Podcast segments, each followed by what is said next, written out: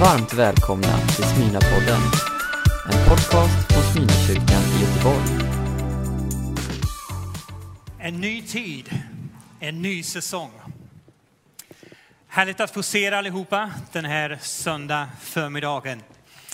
Att få mötas här i Guds hus till gudstjänst. Jag måste varna dig lite grann, för jag kommer att inleda den här predikan på ett litet annorlunda sätt. Eh, inte så jag brukar göra, men jag kommer att göra det idag i alla fall. Eh, men jag skulle önska att du som absolut inte är intresserad av ishockey skulle ändå inte koppla av, inte koppla bort, utan lyssna ändå till det som jag vill lyfta fram i den här inledningen.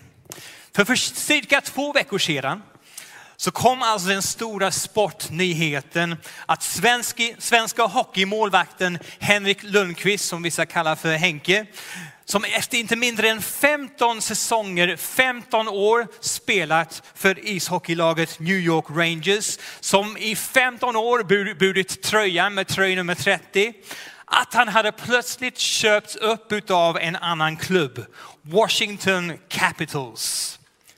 Och i intervjun som jag såg på SVT Nytt så berättar Henrik om sina känslor inför denna stora förändring. Han inser själv när han reflekterar över detta att han inte är klar med ishockey, att han vill kämpa lite mer. Och då säger han dessa viktiga ord och lyssna gärna. Då insåg jag att jag måste börja se mig själv i en annan lagtröja. Och när jag insåg det så blev det ett ganska naturligt skifte. Nu står han, Henrik Lundqvist, inför en ny tid och en ny säsong med en ny tröja med nummer 35 istället för 30. Med en ny utmaning och en ny omgivning. Nog med sport för den här gudstjänsten. Låt oss nu lämna den världen och träda in i Bibelns värld istället och möta profeten Jeremia. Jag vill läsa ifrån Jeremia kapitel 1 och vers 11. Herrens ord kom till mig. Vad ser du Jeremia? Och jag svarade, jag ser en gren av ett mandelträd. Och Herren sa, du har sett rätt. Jag vakar över mitt ord tills det bär frukt. Om det finns någonting som många människor, inklusive mig själv, har lite svårt med ibland, så är det just det här med förändring. De flesta av oss, om vi erkänner, trivs jättebra i våra alldeles egna så kallade komfortzoner. Vi trivs bra innanför den här ramen utav dessa bekväma och sköna utrymmen. Det finns en del av oss som nästan är beredda att göra vad som helst för att inte behöva just den här sköna mysigheten och bekvämligheten som det här utrymmet erbjuder oss. Men verklighetens insikt visar att när Gud verkar i olika säsonger, i olika tider, så verkar han i såväl individer, familjer, församlingar, städer och nationer. Och då har jag märkt att det oftast, eller för det mesta, innebär en viss nivå av förändring. I gamla testamentet finns det en annan bok, Predikaren. Jag ska läsa ifrån kapitel 3 och vers 1 till och med 4. Där står det, allt har sin tid. Det finns en tid för allt som sker under himlen. En tid för födelse, en tid för död. En tid att plantera, en tid att rycka upp. En tid att dräpa, en tid att läka. En tid att riva ner, en tid att bygga upp. En tid att gråta, en tid att le. En tid att sörja, en tid att dansa och så vidare. När Gud ibland säger till oss att det är dags för något slags skifte så har vi ibland väldigt, väldigt lätt att kämpa emot. För helst av allt så vill vi undvika det här svåra, det här utmanande som förändring innebär. Självklart så vill vi att Gud ska använda oss och vi har så lätt att be Herre använd mig. Gud använd oss. Men sen när Gud responderar och svarar på oss att det kommer att innebära förändring. Då har vi så lätt vänner att backa undan, sträva emot och försöka att komma med våra många gånger mycket tama ursäkter. Och det är inte så sällan att vi till och med försöker att fly undan det som Gud har sagt till oss. Lyssna noga. För, för att kunna lämna det förgångna och träda in i en ny tid och en ny säsong så tror jag att det är nödvändigt med ett skifte. Att det är nödvändigt med en förändring. Jag inser att utan ett skifte så är risken överhängande att både du och jag blir kvar där vi är. En liten bild för att förstärka detta. Om du flyger någonstans och jag inser att det är många av oss som drömmer om detta just nu, men som inte har möjligheten. Men så har du oftast fått ett bestämt flygplanssäte. Oftast helt okej. Okay. Du kommer fram dit och du inser att ah, det här kommer jag att överleva. Kanske något trångt, speciellt om man är byggd som Kristoffer är. Men tänk om plötsligt en flygvärdinna kommer fram till dig och erbjuder en plats med lite mer utrymme, lite bättre service. Då måste du inse att ja, jag behöver faktiskt lämna den här platsen där jag befinner mig just nu. Det här som är helt okej. Okay, men för att kunna uppleva en uppgradering, en förändring, för att kunna uppleva fördelar och alla privilegier så måste jag faktiskt flytta på mig. Jag måste göra ett skifte från där jag är till där jag vill vara. Jag tror att Gud vill skaka om. Jag tror att Gud vill skaka om oss ibland och det är inte alldeles bekvämt. Det finns en vacker bild i gamla, i gamla testamentet, i femte Mosebokens 32 kapitel. I vers 11 så står det, som en örn lockar ungarna ur boet och sedan svävar över dem. Så bredde han ut sina vingar och bar honom på sin rygg. Den här bilden visar oss att örnens ungar trivs bäst i tryggheten och värmen som boet högt ovanför marken erbjuder. Och tryggheten gör att dessa fågelungar inte känner något behov av att röra på sig, inte känner något behov av att lära sig flyga. Men då kommer modern in i bilden. Och modern använder ett trick, skakar om i boet och tvingar faktiskt sina ungar till att lära sig flyga. Elakt kan man ibland tycka. Vem av oss vill bli uppväckt på morgonen på det här jobbiga viset? Inte jag i alla fall. Men örnen finns i närheten och trots att det blir skakigt, trots att det blir oroligt, trots att det blir något nytt så fångar örnen upp dem under den här snabbt påtvingade flygövningen. Ibland så kan ett skifte vara väldigt, väldigt tufft. Mycket, mycket utmanande. Då Gud skakar våra trygghetszoner. Men vi behöver inte vara rädda. Lyssna. Gud har läget under kontroll. Så länge du och jag har valt att överlämna allt i hans händer. Som församling så vet vi, många av oss i alla fall, att vi just nu är mitt i en period av skiften. Vi står inför en ny säsong. Vi står i en ny tid. Och Gud vill ge oss insikten att se den säsongen som väntar på rätt sätt. Se längre än de nuvarande skakiga omständigheter och förändringar som pågår. Och se den gudomliga framtid och säsong som Gud har berett för dig och mig och för oss som församling. När vi gör det skiftet när du och jag gör det skiftet så kommer vi att möta ibland tvivel, ibland rädsla, ibland spekulationer över hur kommer det att bli. Till och med ursäkter, precis som Jeremia gjorde.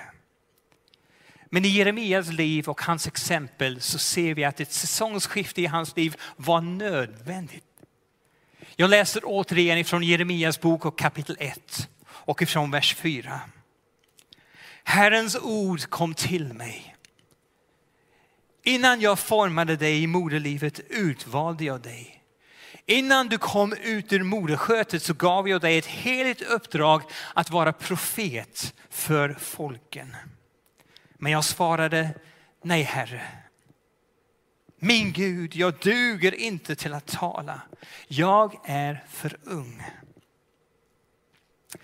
Så titta lite närmare på Jeremia. Vem är den här karaktären? Vem är den, vem är den här personligheten?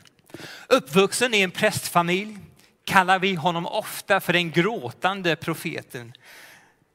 Och det är med all rätt. För tittar vi närmare på hans livserfarenheter så ser vi att de är präglade av ångest, svårigheter, prövningar som han upplevde under sin tjänst. Budskapet han kallades till att förmedla var absolut inte det populäraste man kunde komma med. Temat för budskapet var nationens synd och väntande dom och en kallelse till omvändelse. Han stämplades som förrädare. Under sin livstjänst så existerade och tjänade han under inte mindre än sex olika kungar. Han hotades till livet och under en kort tid fick till och med tillbringa livet i fängelset. Men Jeremia skulle få se sina ord delvis gå i uppfyllelse. Och hans tjänst, trots alla motgångar, skulle vi anse vara ändå ganska lyckade. Men inledningsfasen i förändringsprocessen, i skiftet i Jeremias liv var svår. Herren fick övertyga honom lite grann. Och jag känner igen mig själv så väl i detta. Jeremia hade det svårt med skiftet och att acceptera allt vad en ny säsong och en ny tid och en ny säsong av tjänst skulle innebära. Herren fick belysa flera viktiga områden och punkten i Jeremias liv som gällde honom som person, som individ. Följande presenterar Herren. Att du är kallad. Du var kallad innan du ens var formad. Du är utvald.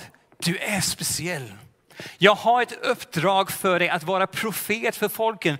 Det är det som Gud förmedlar och Gud har knappt hunnit att säga sista ordet. Så kommer Jeremia med sina ursäkter. Känner du igen dig? Det gör jag. Jag är för ung. Jag är dålig på att tala. Jag kommer inte att bli tagen på allvar av min omgivning. Varför hade han den här inställningen? För att till att börja med så ser jag att Jeremia inte hade förmågan att se rätt framtidsbild. Den framtidsbilden som Gud höll på att måla. När Jeremia endast såg sina begränsningar, sina svagheter, sina brister, såg allt omkring sig som inte var som det borde vara. Så fokuserade Gud istället på hans potential på de gåvor som var nedlagda innan han ens föddes. Många gånger när Gud säger att det är dags att flytta till nästa nivå i våra liv. Dags att kanske flytta geografiskt från en plats till en annan. Dags att flytta in i en ny säsong. Så bygger vi väldigt, väldigt många gånger murar i våra liv. Vi hittar på ursäkter. Vi försöker att slingra oss ur. När Gud säger att det är dags så kommer vi att respondera med rädsla, med problem, med våra riskanalyser. Allt för att slippa. Det krävs någon, det krävs några som är beredda att ta ett steg i taget och känna hur Guds löften bär. Att se med Guds ögon. Att se med Guds perspektiv. Livet, mina vänner, handlar om att ha en korrekt och rätt perspektiv. Att se på rätt sätt. För om vi kunde fullt ut se det som Gud ser så skulle både du och jag acceptera och inse och bara ta till oss att det mesta av det vi ibland är fruktansvärt rädda för aldrig händer. Aldrig inträffar. Det har fått onödiga proportioner i ditt och mitt liv. Och när jag tittar i backspegeln så måste jag säga så här att det är stor slöseri på viktig energi som skulle kunna användas till någonting bättre. I Matteus kapitel 6, vers 34 så säger Jesus, gör er därför inga bekymmer för morgondagen. Den får själv bära sina bekymmer. Missförstå mig inte. Jag har full respekt för att omständigheter som ekonomisk stress, sjukdom, familjeproblem och omständigheter, de tillhör livets realitet och verklighet. Vi kommer inte ifrån detta. När framtidstron och hoppet börjar sjunka ner mot noll. Men jag tror att i allt detta så behöver vi se till att inte låta vår huvudfokus, vårt huvudperspektiv få vara bekymmer och motgångar. Jag tror att när vi vågar justera vårt perspektiv och försöker se med Guds ögon istället så inser vi att han är så mycket större. Jag säger inte att dina problem är små. Men jag vill föra in en annan dimension. Dina problem är inte små, men Gud är större. Gud är större. Han är större. Och hur många gånger har vi inte varit samlade till gudstjänst och sjungit med hög röst och frimodighet. O store Gud! Om du besöker Smina 15, My God is greater. Så stor är vår Gud. Men frågan kvarstår. Inser vi det? Är det mer än en lovsång, mer än en vacker sång? Är vi ett folk, är vi en församling som tror på det vi sjunger många gånger? Paulus skriver i första Korinthierbrevets tionde kapitel. Era prövningar har inte varit övermänskliga. Gud är trofast och ska inte låta er prövas över förmåga. När han sänder prövningen visar han er också en utväg så att ni kommer igenom den. Att se med hans ögon är att leva och existera och andas hans löften. Vi behöver nåden att se framtiden med Guds ögon. För människans perspektiv, mitt perspektiv, kommer alltid att begränsa. Men Guds perspektiv kommer alltid att befria mig och dig in i en ny säsong, en ny tid som väntar på oss. Paulus skriver återigen i andra Korinthierbrevet 12. Min nåd, när han pratar om Herren, min nåd är allt du behöver.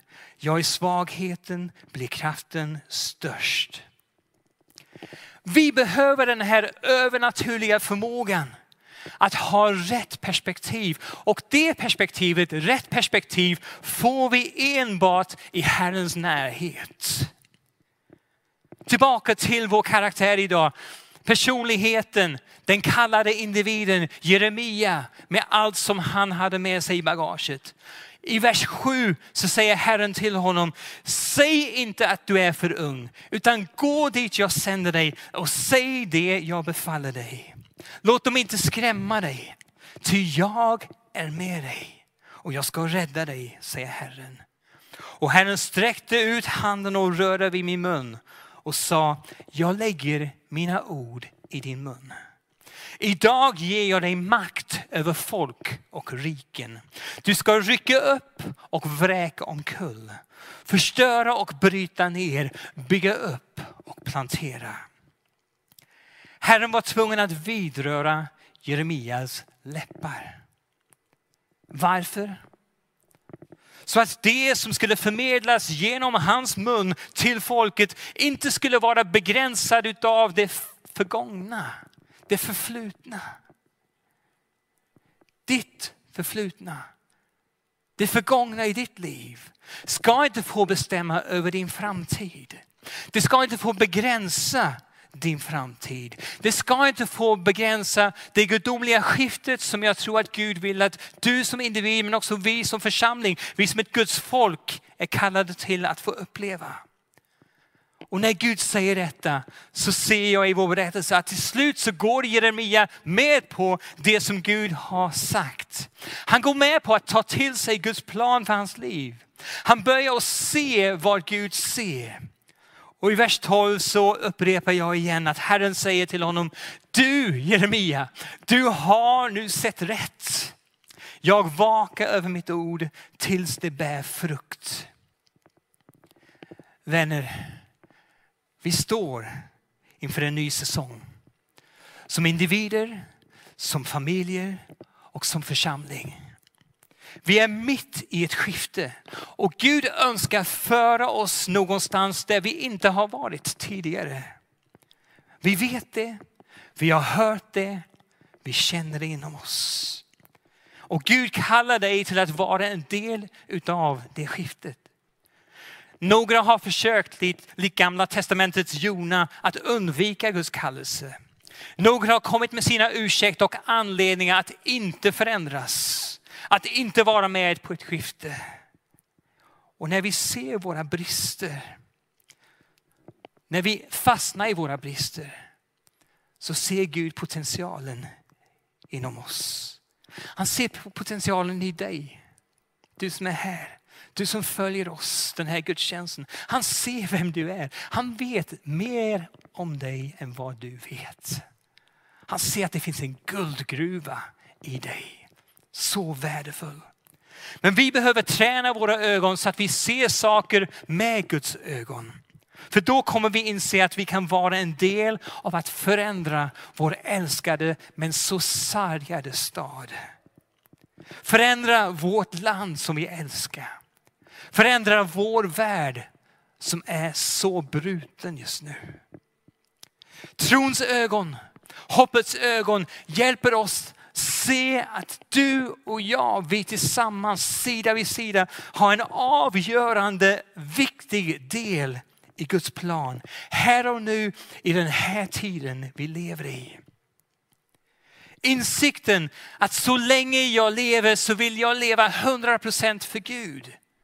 Just för en tid som denna vill jag leva för Gud. Han vill använda dig. Han vill använda Smyna. Han vill använda sitt folk för att göra en skillnad. Och inte bara göra en skillnad utan att vara en skillnad.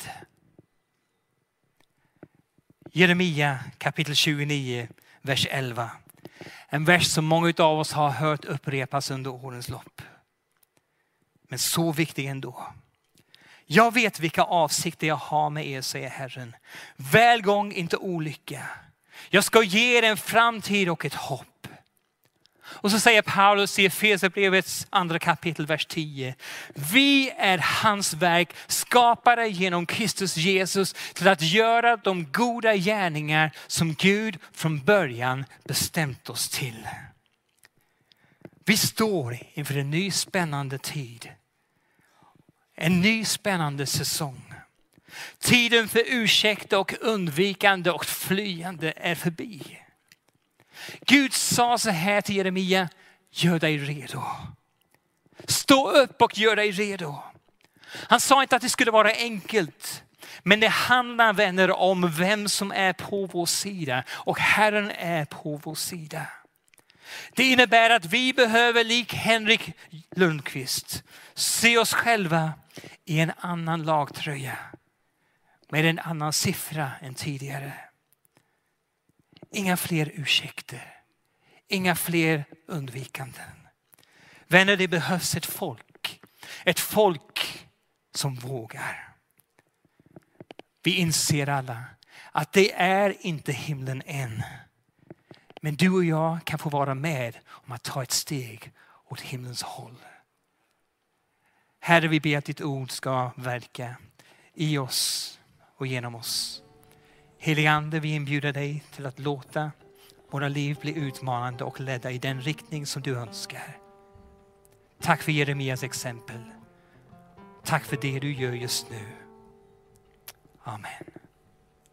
Du har lyssnat på en predikan från Smyrnakyrkan i Göteborg. Hjärtligt välkommen att lyssna igen eller besöka Smyrnakyrkan. Gud välsigne dig och din vecka.